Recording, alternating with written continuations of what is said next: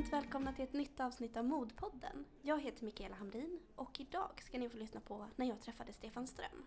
Stefan är specialist inom anestesi och intensivvård i Västerås och fram till nyligen var han regionalt donationsansvarig läkare i Uppsala-Örebro sjukvårdsregion.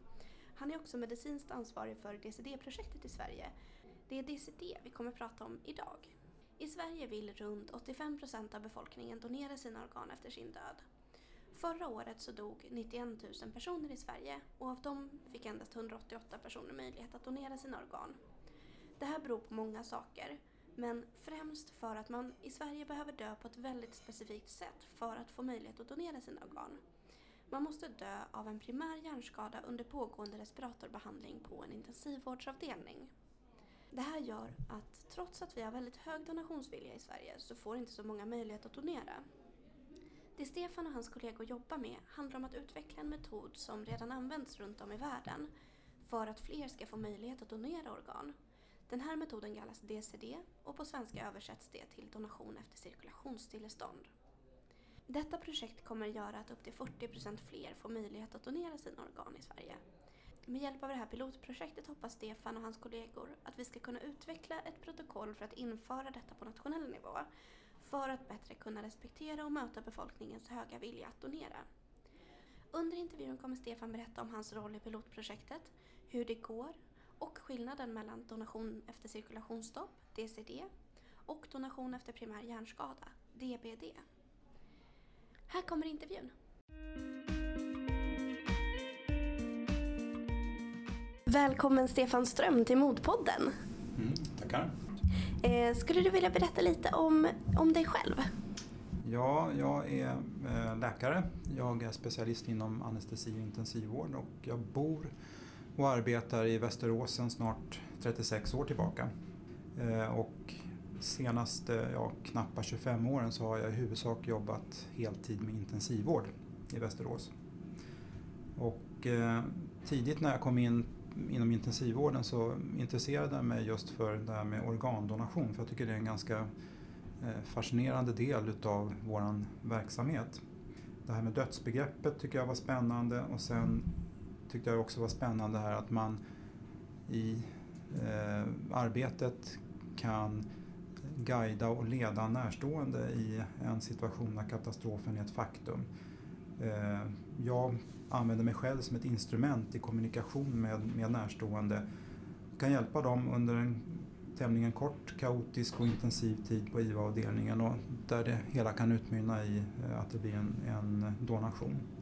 Och jag är väl egentligen lite icke-typisk narkosläkare för jag är mera intresserad av kommunikation och stöd för människor i kris än att hålla på och ratta på respiratorer och dialysmaskiner. Så jag gillar att, har fokusera mycket på den här allmänmänskliga delen utav, av intensivvården. Sen har jag varit engagerad i många år då inom eh, donation. Och dels lokalt eftersom jag jobbar praktiskt som läkare på intensivvårdsavdelningen.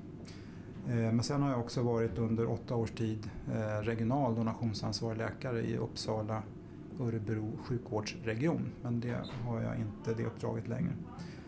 Men jag har fortfarande ett nationellt engagemang då i och med att jag sitter med i eh, det så kallade DCD-projektet som utgår från Vävnadsrådet och SKL.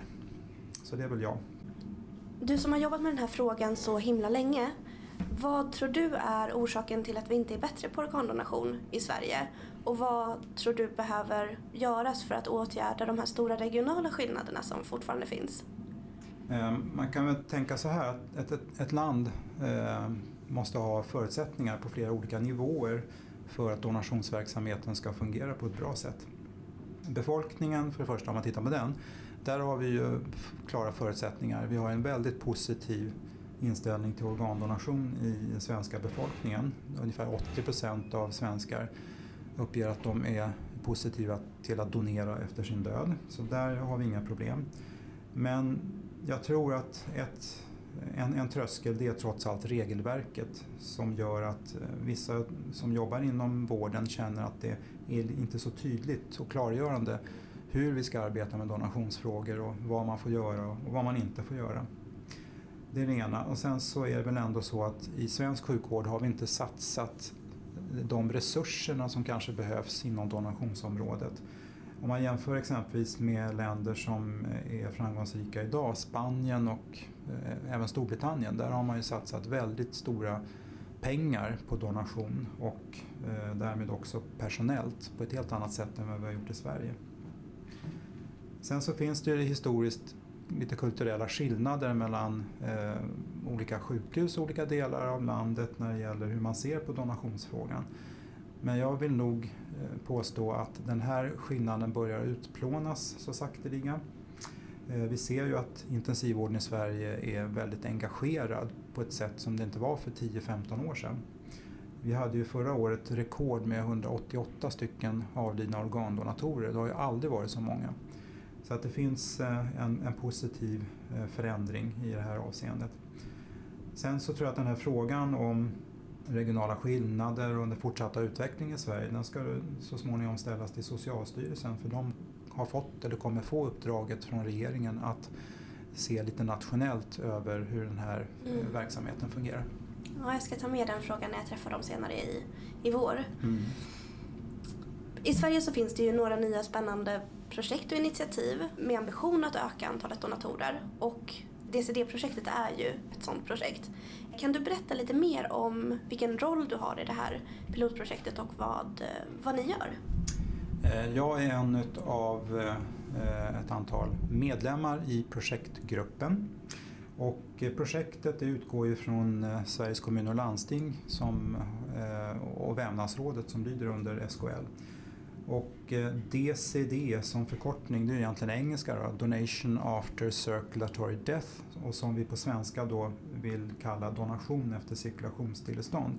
Och det handlar helt enkelt om att eh, se om vi i Sverige kan införa en ny, för oss ny eh, och i Sverige kompletterande donationsprocess. Man erbjuder möjligheten till donation för andra patientgrupper än de som donerar i Sverige idag. Och det vi gör nu inom projektet det är att vi dels har gjort en kartläggning för att se vad förutsättningarna är för att införa den här donationsprocessen i Sverige. Och det har vi fått bekräftat att det finns förutsättningar. Eh, patienterna finns. Vi har förberett och startat en pilot på sex utvalda sjukhus i Sverige som pågår nu. Där vi då testar ett eh, för Sverige anpassat DCD-pilotprotokoll. Eh, och sen ska vi då utvärdera efter ungefär ett års tid hur det här har fungerat, ta lärdom, justera, förbättra och sen presentera ett, pilot, eller ett protokoll, ett DCD-protokoll nationellt som sen ska kunna breddinföras i Sverige. Och hur ser tidsplanen ut för projektet? Eh, när kan det här komma att införas i Sverige på nationell nivå? Och krävs det någonting speciellt för att det ska bli rutin på, på alla sjukhus? Eh, man kan säga så här att från början så var det så att eh, i december 2015 så godkände eh, Vävnadsrådet vårt projekt och det är Vävnadsrådet som finansierar det. Vi har ju fått väldigt mycket pengar från Vävnadsrådet och SKL för det här så att det här är ju prioriterat från våra huvudmän. Projektet startade skarpt kan man säga då årsskiftet 15-16 det ska pågå till årsskiftet 2019-20. Inom projektet så har vi ju då gjort litteraturstudier. Vi har tittat på hur andra länder har arbetat med att introducera DCD, för det här är ingenting nytt om man tittar i ett internationellt perspektiv. Eh, själva DCD-processen den är väl eh, kartlagd, testad och det finns massor med evidens och, och vetenskap kring det här så det här är ingenting nytt så. Vi har bland annat gjort studiebesök i England, varit i London och Cambridge och träffat eh, kollegor och medarbetare som har stor erfarenhet av den här donationsprocessen. Och vi fick till och med där vara med i skarpt läge. Så det var nattarbete även i London kan jag säga, inte bara som man är van vid hemma i Sverige. Vi har fått väldigt mycket kontakter med kollegor internationellt som vi har hjälp av. Vi har varit på kongresser och workshops i Spanien och lärt oss där om DCD. Sen har ju vi inom projektet då knutit kontakt med olika referensgrupper och en väldigt viktig referensgrupp för oss har varit en grupp som då är, är konstituerad inom Socialstyrelsen där det bland annat finns olika experter och juridisk expertis som har varit bollplank för oss. Vi har arrangerat en etikkonferens eh, där man bland annat diskuterade eh, etiska aspekter kring DCD. Vi arrangerade också en No Touch-konferens och det betyder att man hade en konferens med representanter för medicinska professionen och även från Socialstyrelsen som diskuterade när människan är död och vad det har för implikationer då på DCD-processen. Sen har vi som sagt jobbat med att utarbeta pilotprotokollet och det har varit en, ett mycket omfattande arbete. Vi har skrivit avtal med totalt sex Eh, pilotsjukhus i Sverige som medverkar i piloten. Och piloten startade ju alldeles nyligen, 5 februari. Och eh, så småningom när den här piloten har eh, gått hela vägen, vi planerar att den ska pågå under ett års tid. Vi önskar att det ska vara tio fullständiga DCD-processer som går hela vägen fram till transplantation. När det är gjort då så ska vi utvärdera piloten och förhoppningsvis kunna optimera och förbättra själva protokollet. Mm. Sen då kan man ju breddinförandet, det tror jag kommer att ske om allting faller väl ut successivt från 2020 och framåt. Men jag tror vi ska göra enligt den engelska modellen där man bjuder in sjukhus vartefter att eh, ta del av den här processen och att vi på ett noggrant sätt utbildar eh, de sjukhusen så att man har erfarenhet från våra pilotsjukhus, tar med sig det och ser till att det här implementeras på ett väldigt, väldigt klokt och noggrant och eftertänksamt sätt. Mm. Finns det några hinder till att man inte skulle kunna införa det här nationellt? Ja, det som kanske som jag gissar är ett största hindret som det ser ut här och nu det är ju resurser inom hälso och sjukvården. Man måste satsa mer på vissa personalgrupper. Man behöver fler transplantationskoordinatorer i Sverige. De arbetar redan idag väldigt hårt eh, med den verksamhet vi har. Och eh, jag tror också att man behöver eh, se till att intensivvården och operationssjukvården har ett resurstillskott för att klara av en större volym utav donationer. Sen andra hinder, man kan tänka sig att det finns viss lokal skepticism på vissa sjukhus men det tror jag man i huvudsak kan relatera till att det finns okunskap om hur det här går till. Så med information och utbildning så tror jag man kommer komma långt i det avseendet. Sen eh, vet vi ju inte den här kompletterande donationsutredningen som nu har tillsatts. Eh, nu hoppas vi och tror att den inte ska göra det svårare men skulle den hitta på några nya regelverk som då motverkar den här typen av, av donationsprocess då skulle ju det vara negativt förstås men det får vi väl tro att det inte kommer bli så. Nej, verkligen. Och det finns olika kategorier av DCD om man tittar internationellt. Mm. Och i Sverige har vi valt den som eh, kallas kategori 3. Ja. Varför har vi valt den? Ja, det är som du säger, vi har valt den här kontrollerade formen. Vad, vad innebär det? Jo, det innebär att man inom intensivvården, eh, där gör vi redan så idag generellt i Sverige att när vi har nått vägs ände och inte eh, så att säga, kan bota en patient inom intensivvården så ställer man sig alltid frågan om vad är vägen nu och då kan det leda till att man efter en vårdkonferens fattar beslut om att avbryta livsuppehållande behandling för att det vi sysslar med är egentligen bara en förlängd dödsprocess och det är oetiskt gentemot patienten. Så där gör vi redan nu och det man kan göra då om man tänker sig donation det är att man kompletterar vården i livets slutskede. När man avbryter livsuppehållande behandling som i allmänhet rör sig om att stänga av en respirator då kan man erbjuda möjligheten att i förlängningen, när döden har inträffat, att man då omhändertar organ för transplantation om det är eh, patientens uttalade önskan eller anhöriga tolkar personens vilja i donationsfrågan. Så.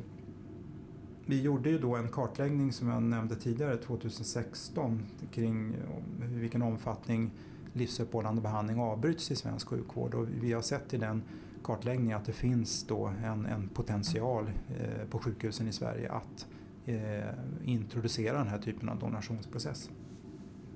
Varför har vi valt just den här typen då? Det finns ju andra typer, det finns ju det man kallar okontrollerad. Och där är det okontrollerat, alltså oväntade dödsfall som kommer in till akutmottagningen och där man omhändertar organ. Men när man tittar på den process vi har valt nu då, den kontrollerade inom intensivvården, så känns det ganska logiskt för mig som intensivvårdare att vi har redan idag kompetens eh, att bedriva donationsprocesser. Vi är vana vid donation. Vi är vana vid att föra de här samtalen med närstående. Och ska man införa okontrollerad DCD, eh, vilket då skulle vara på akutmottagningar, då är det plötsligt en ny arena där man inte alls har någon erfarenhet av donation. Och där tror jag att det är väldigt många trösklar för att kunna komma vidare. Eh, så att det finns mycket som är logiskt att införa det här i, inom intensivvården. Eh, det är också så att det finns sannolikt en del legala hinder Eh, att införa okontrollerad DCD därför där måste man ju påbörja vissa medicinska åtgärder innan samtycket är klart. Och det tror jag inte att svenskt regelverk tillåter. Men däremot den process vi har valt inom intensivvården nu med kontrollerad DCD, där finns det helt andra eh, förutsättningar därför att vi har valt en process där man inte gör några medicinska interventioner före döden. Vi befinner oss helt inom eh, befintlig lagstiftning. Vi är inte beroende av någon ny lagstiftning, någon ny eh, regelverk. Eh, det enda vi gör före döden det är egentligen att vi utreder samtycket tillsammans med närstående.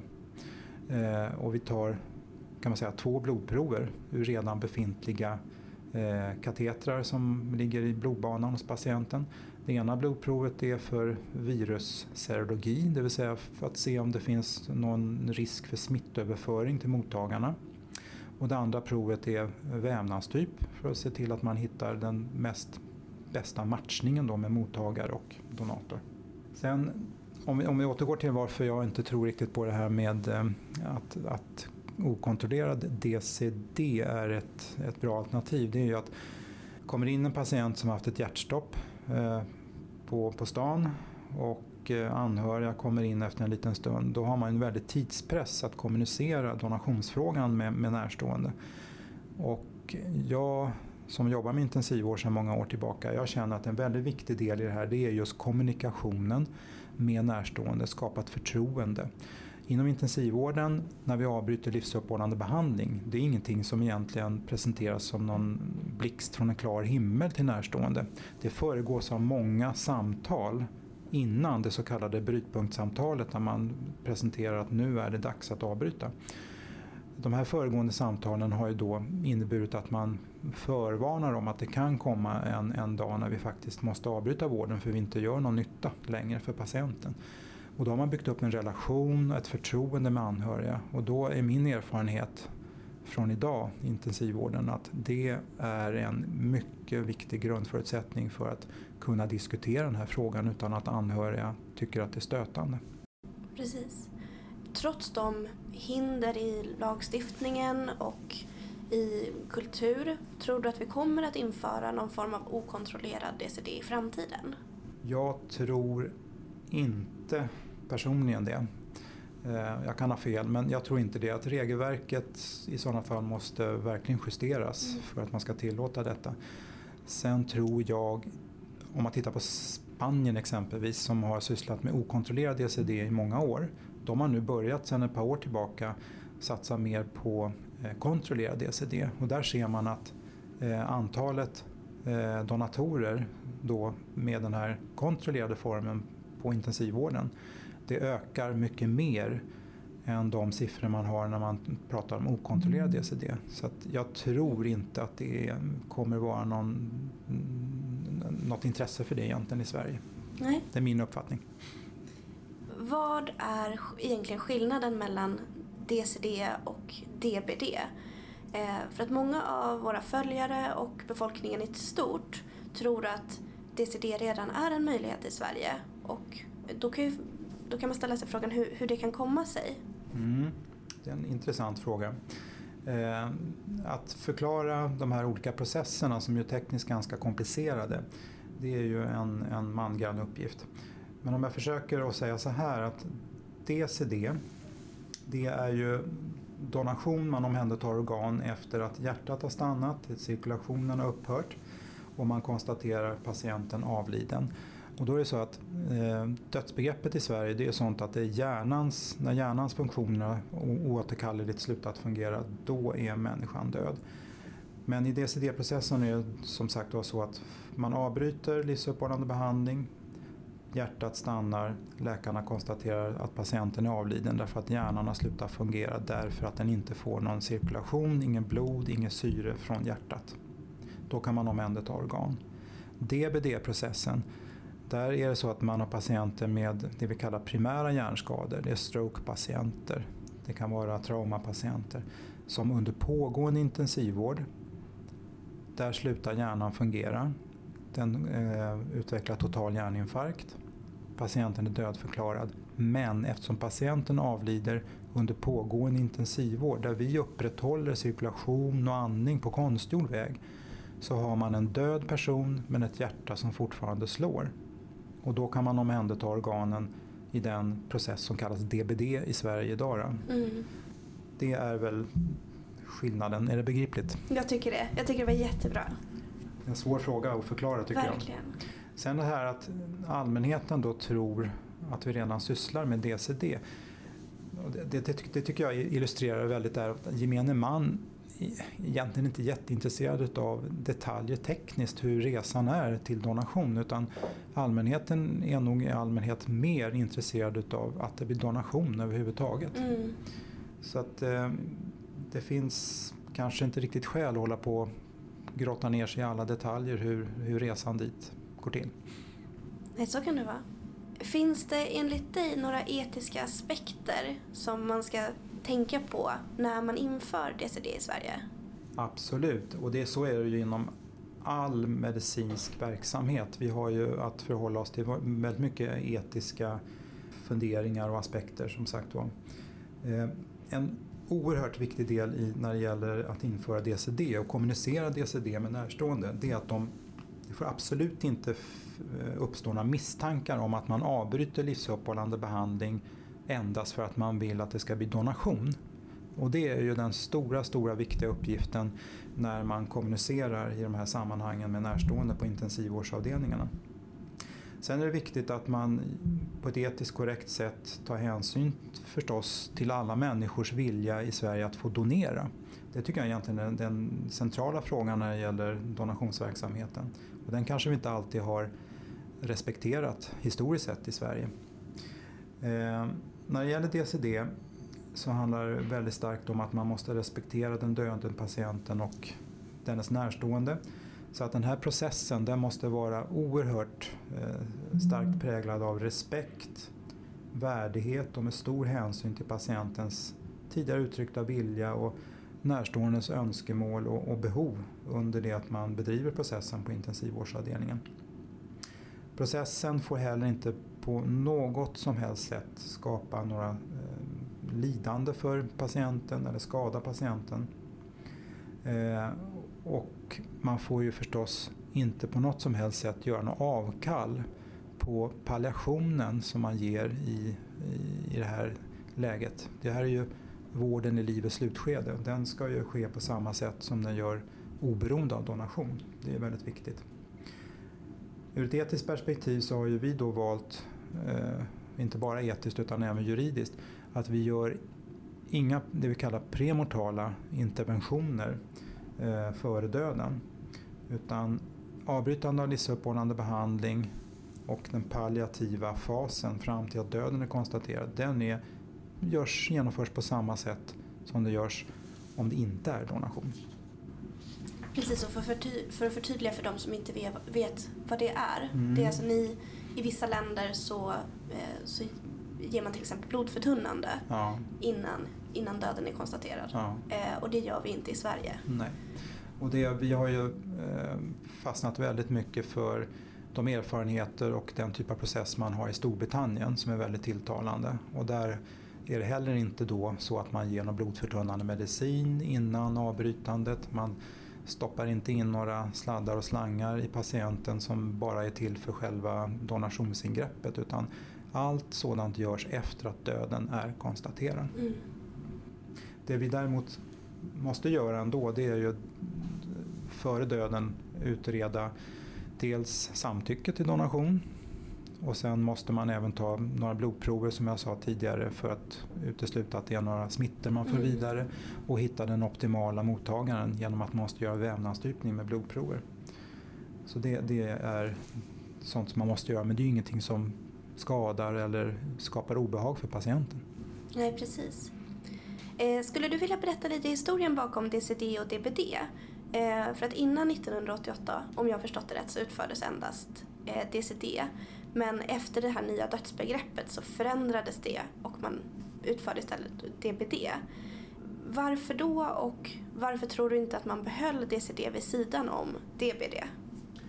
Eh, det där är en, en fråga som väl egentligen då landar i att det kanske är lite missuppfattning vad man gjorde före 88. För 88 då, då fick vi det nya dödsbegreppet som då innebar att det innan 88 så var människan död när hjärtat hade slutat att slå. Men efter 1988 så har vi ett dödsbegrepp som är relaterat till hjärnans funktion. När hjärnan är totalt oåterkalleligt utslagen och inte fungerar längre, då är människan död. Eh, men vi donerade organ före 88 i Sverige också. Men då var processen den att det var egentligen samma typ av patient som blev donator då som, som idag. Eh, man konstaterade att patienten hade total hjärninfarkt enligt ett protokoll från Socialstyrelsen. Eh, och då kan man säga så här att de patienterna som då blev donatorer de var biologiskt döda på samma sätt som de är idag. Men juridiken gjorde att vi fick inte skriva dödsbeviset. Men man fick samtycke till donation i samråd med anhöriga. Man bestämde att det var en lämplig donator. Man körde in patienten på operationsavdelningen och tvättade och klädde. Och narkosläkaren stängde av respiratorn. Den kunde inte börja operera förrän hjärtat hade stannat. Men den patienten var ju då, som vi ser idag, redan avliden för hjärnan var helt utslagen från början. Så att den här DCD som vi pratar om idag, det är ju annorlunda för där är patienter som inte har en total hjärninfarkt men där man avbryter livsuppehållande behandling och hjärtat stannar och man därefter får en total hjärninfarkt. Det här är lite komplext att beskriva men vi har egentligen inte haft DCD i Sverige så som det är planerat att vi ska eh, införa nu. Nej men det är bra, nu har jag lärt mig någonting nytt också. Behöver vi en ny formulering i lag för att kunna införa den här formen av DCD som ni testar nu eh, på nationell nivå?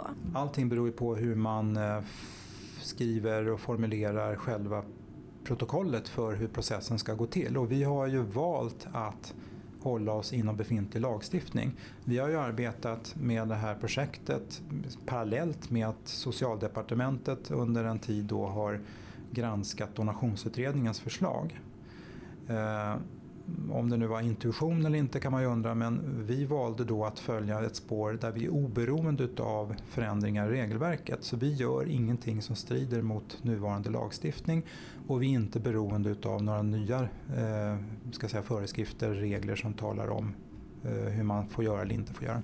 Så att vi har mm, valt den så att säga, rätta vägen i det avseendet kan jag säga. Ja men verkligen. Och hur ser det ut i andra länder? Hur stor del, del av organen kan man säga kommer från DCD respektive DBD? Ja, om, om jag återkommer då till det landet som jag tycker är ett föredöme i det här sammanhanget som vi känner att vi har väldigt mycket gemensamt med också. Eh, både när det gäller kulturellt och hur sjukvårdssystemet fungerar så är det Storbritannien som är vårt stora föredöme. Eh, och där har man då efter många års arbete eh, uppnått att ungefär 40 procent av de avlidna donatorerna de är DCD-donatorer. Och 40 procent det är ju en, en, en betydande siffra. Det får man säga. Verkligen. Kan du berätta lite om Storbritannien och Nederländerna och varför det skiljer sig när det kommer till DCD? Eh, I Storbritannien så fick man en stor ökning utan att det påverkade DBD-donatorer negativt. Och hur ska vi i Sverige kunna försäkra oss om att vi inte får en negativ effekt? Det som hände historiskt där i många år sedan i Nederländerna det var att man då införde DCD som ett, eh, en alternativ till DBD som donationsprocess. Och eh, när man gjorde det efter en tid så såg man att antalet DBD-donatorer minskade. Och då började man ju fundera på vad är det som har hänt egentligen. Och en tolkning utav vad som hände det var att man inom intensivvården eh, när man hade patienter med svåra hjärnskador valde den snabbare vägen till donation, nämligen DCD, istället för att man kanske fortsatte vården något dygn till och, och inväntade att patienten utvecklade total hjärninfarkt. Eh, det här är ju negativt på det sättet att då kan patienten inte donera eh, lika många organ och bland annat inte kunna donera hjärtan. Så då innebär det att man kan inte ge lika många gåvor som man kan göra om man donerar via en DBD-process. När engelsmännen då införde DCD då var man väldigt medveten om det här. Och där ser man ju en utveckling över tid också. Senaste åren så har ju förutom att DCD har ökat väldigt mycket i Storbritannien så har nu DBD ökat också. Och det är antagligen en effekt utav att man, inför man en ny donationsprocess på det här viset så då blir det plötsligt eh, mycket intresse kring donationsfrågor inom, inom vården, intensivvården. Och det ser man ju bland annat på de pilotsjukhus i Sverige som nu är med i, i piloten för DCD. Att det är ett stort intresse även utanför intensivvården för donationsfrågor. Så att det blir spin-off-effekter kan man säga. Och i Sverige då, hur ska vi liksom se till att inte vi drabbas av det som holländarna gjorde? Ja, I vårt protokoll så har vi ett antal kontrollpunkter. En kontrollpunkt är bland annat att ansvarig intensivvårdsläkare ska noggrant bedöma om det finns en potential att patienten utvecklar total hjärninfarkt om man fortsätter vården något eller två dygn till. Och säger man då att nej, det finns ingen potential för det, då kan man gå in i DCD-spåret istället. Och vilka resultat kan vi förvänta oss i Sverige? Hur många fler donatorer pratar vi om och vilka organ kommer vi kunna transplantera? Och sen undrar vi såklart också om du kan säga någonting om hur det har sett ut under de här två månaderna som, som piloten har pågått. Mm. Ja, man kan säga att vi är bara början på en, en lång resa kan man säga. Eh, vi gjorde den här inventeringen då i 2016 där vi bjöd in eh, alla intensivvårdsavdelningar i Sverige att medverka i en registrering i, där vi tittar på omfattningen av avbrytande av livsuppehållande behandling och lite grann omständigheterna kring avbrytandet. Och de siffror vi fick in under en fyra månaders period när man registrerade, de har vi sedan extrapolerat till årsbasis. Då. Och vi har räknat med att det teoretiskt sett finns en potential för ungefär 40 80 DCD-donatorer per år i Sverige. Men då är det under förutsättning att man har gjort ett breddinförande mm. på de flesta större sjukhus. Då ska man jämföra det med att vi förra året hade 188 stycken donatorer, avlidna donatorer i Sverige. Så det är ju ett tillskott kan man säga. Eh, det skulle kunna vara någonstans mellan 20 till 40 procent, precis som i England då på sikt när det gäller antalet avlidna donatorer. Och eh, det skulle då kunna innebära 80 till 160 njurar som kan transplanteras per år extra utöver det vi gör idag. Mm. Sen på sikt så finns det potential inte bara för njurar, eh, även lungor, eh, lever, bukspottkörtel och faktiskt till och med hjärtan. I Storbritannien och i Australien där arbetar man också med att omhänderta hjärtan från DCD-donatorer. Men det skulle jag vilja säga, det ligger långt fram i tiden för det är väldigt, väldigt resurskrävande och kräver att man har stor erfarenhet från själva processen. Så att det vi gör just nu i Sverige det är liksom att börja den här resan och se att vi lär oss och får en acceptans för den här typen av donation. Och hur har det gått hittills? Ja, vi startade piloten 5 februari och eh, redan nu så har vi haft efter ja, ungefär åtta veckor sex patienter som har inkluderats i DCD-processen. Varav fem har gått hela vägen från donation till transplantation. Och de uppgifter jag har är att det har gått bra för mottagarna och det är ju väldigt positivt. Eh, av olika skäl så har man då inte transplanterat tio njurar utan nio njurar. Men det är nio patienter, dialyspatienter som nu inte längre behöver en dialysbehandling. Vilket är fantastiskt. Det är väldigt goda resultat. Ja, vi är, vi är glada att eftersom piloten har startat att det är, har gått bra så här i början. Det är så att vi har ju också, kan jag nämna, en, en väldigt många krav på oss när det gäller kontrollfunktion. Vi har en säkerhetskommitté som granskar alla våra processer. Vi skickar rapporter till säkerhetskommittén som då eh, har olika kompetenser. Det är intensivvårdsläkare, njurläkare, lungläkare, transplantationskirurg och en ordförande som granskar våra fall och ser till att vi sköter det hela enligt protokoll och att det inte har blivit några allvarliga biverkningar under den här processen. Så att vi är väldigt glada för det. Och vilka patienter är det som kan bli aktuella DCD-donatorer? Ja, tittar man internationella material och det är samma sak om det var i Sverige så är det ju i första hand patienter med svåra hjärnskador. Men där hjärnskadorna stannar upp så att säga, de går inte vidare till att det blir total hjärninfarkt och patienten kan dödförklaras med, med de kriterierna. Utan det här är patienter som så att säga, stannar upp på en väldigt, väldigt eh, eh ska säga, omfattande skadenivå men där det inte finns någon någon fortsättning för patienten, det är bara en förlängd dödsprocess och där man avbryter. Så hjärnskadade patienter, det är framförallt strokepatienter, det är hjärtstoppspatienter som har fått allvarliga syrebristskador till hjärnan och det kan också vara traumapatienter, mm. olyckor. Och vilka är de vanligaste frågorna som, som ni får om DCD?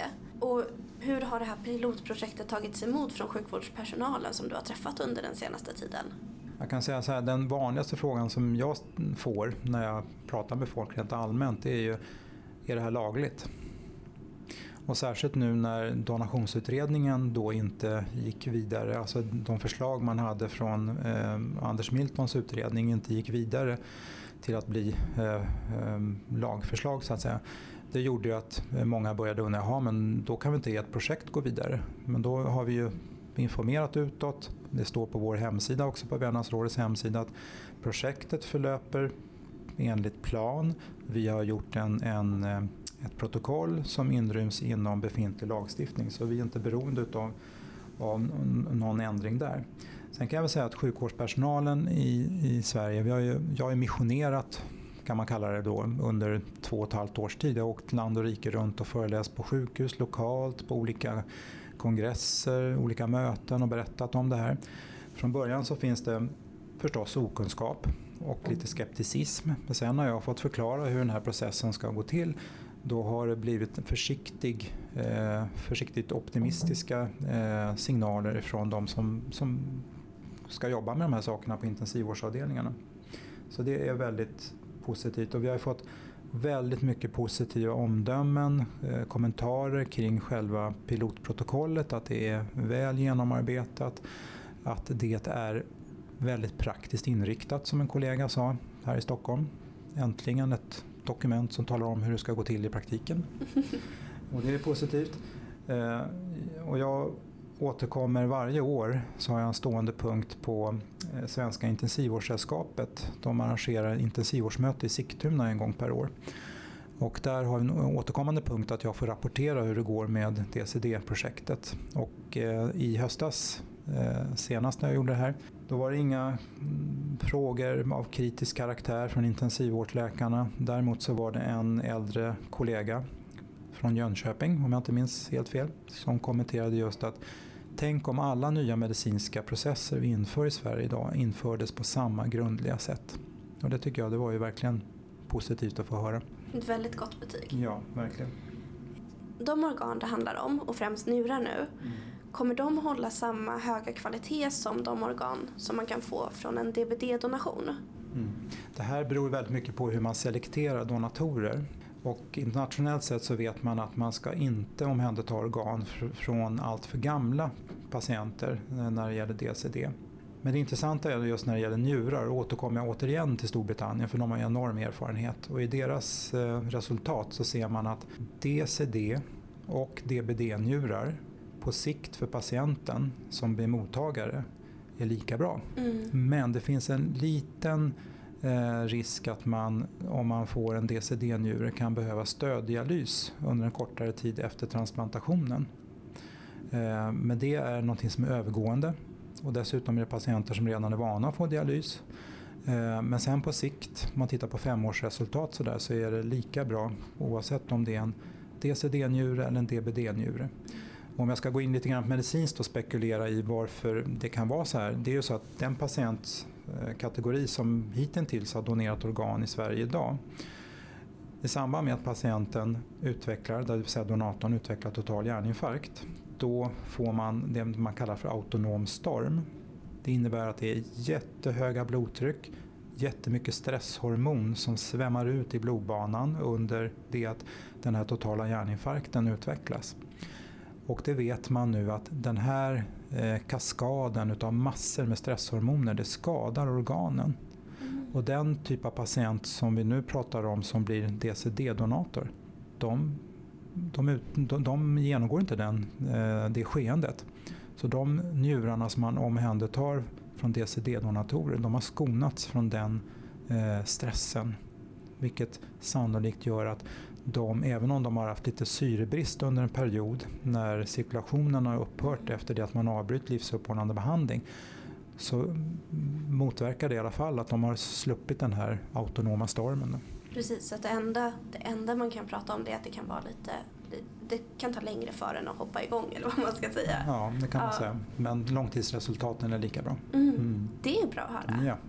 Finns det några ekonomiska aspekter som man kanske inte tänker på direkt eh, som kan försvåra ett införande av DCD nationellt? Det man eh, måste förstå och ta hänsyn till om man ska breddinföra det här det är att det faktiskt krävs en resursförstärkning eh, på vissa, eh, i vissa delar av sjukvården som berörs av den här typen av process. Och jag ser ju framförallt att det rör sig om att vi måste förstärka med fler transplantationskoordinatorer i Sverige. Det är en ganska liten grupp. Det är ett 20-tal personer som jobbar väldigt mycket, väldigt intensivt redan idag. Och ska vi nu öka antalet donatorer med kanske 20-40 procent så innebär det en, en, en, betydande arbetsbelastning på dem. Eh, kanske vi behöver fler transplantationskirurger. Vi behöver också se att det finns en, en resursförstärkning inom intensivvården och i operationssjukvården. För alla, det här är en komplicerad vårdprocess som inkluderar många olika delar i hälso och sjukvården. Och i förlängningen så kan man ju tänka sig då att eh, det kommer att vara ett minskat behov av dialysplatser. Mm. Det har man ju sett i England. Och då kanske man kan omfördela resurserna inom vården om man tänker så. Finns det någonting annat som du tycker att vi borde ha tagit upp under det här samtalet eller som vi har missat att, eh, att prata om? Nej, egentligen inte. Jag tycker det har varit ja, heltäckande frågor. Mm. Vad skönt att höra. Och om man som lyssnare skulle vilja komma i kontakt med dig eller med, eh, med DCD-gruppen, mm. hur kan man göra då? Ja, med mig personligen då så kan man ju mejla till min arbetsmail stefan.strom regionvastmanland.se Långt och krångligt. Eller så finns det möjlighet att via Vävnadsrådets hemsida där vårt projekt eh, ligger eh, inbakat där kan man då skicka frågor i en, en mejl eh, som, som, vi besvarar och kan hantera. Mm. Mm. Bra. Eh, och här kommer min sista fråga. Eh, vem skulle du vilja lyssna på i ett kommande avsnitt av Modpodden? Jag skulle tycka att det vore väldigt eh, bra om man lyfter fram de här personerna som inte syns så mycket och som, man, som gör ett oerhört viktigt arbete i donationsprocessen. Och det är de som är länken mellan intensivvården och transplantation, nämligen transplantationskoordinatorerna. Eh, det är en liten grupp med mycket hög profession och eh, professionalism som är oerhört viktiga och centrala och som jag inte tror att allmänheten förstår hur viktiga de är. Jag ska se vad jag kan göra där. Mm. Då säger jag tack så jättemycket för att du deltog i Motpodden och berättade om DCD-projektet. Mm, tack så mycket för att du fick komma hit. Tack.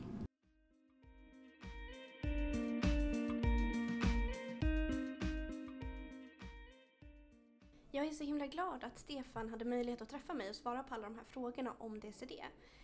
Det är spännande att höra hur arbetet ser ut, vilka mål som finns för framtiden och inte minst hur det har gått hittills.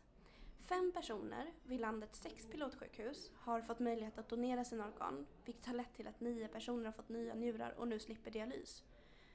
I framtiden hoppas Stefan på att vi ska kunna få upp till 80 fler donatorer tack vare den här metoden. När det kommer till att respektera den avlidnes vilja att donera är det här verkligen ett steg i rätt riktning.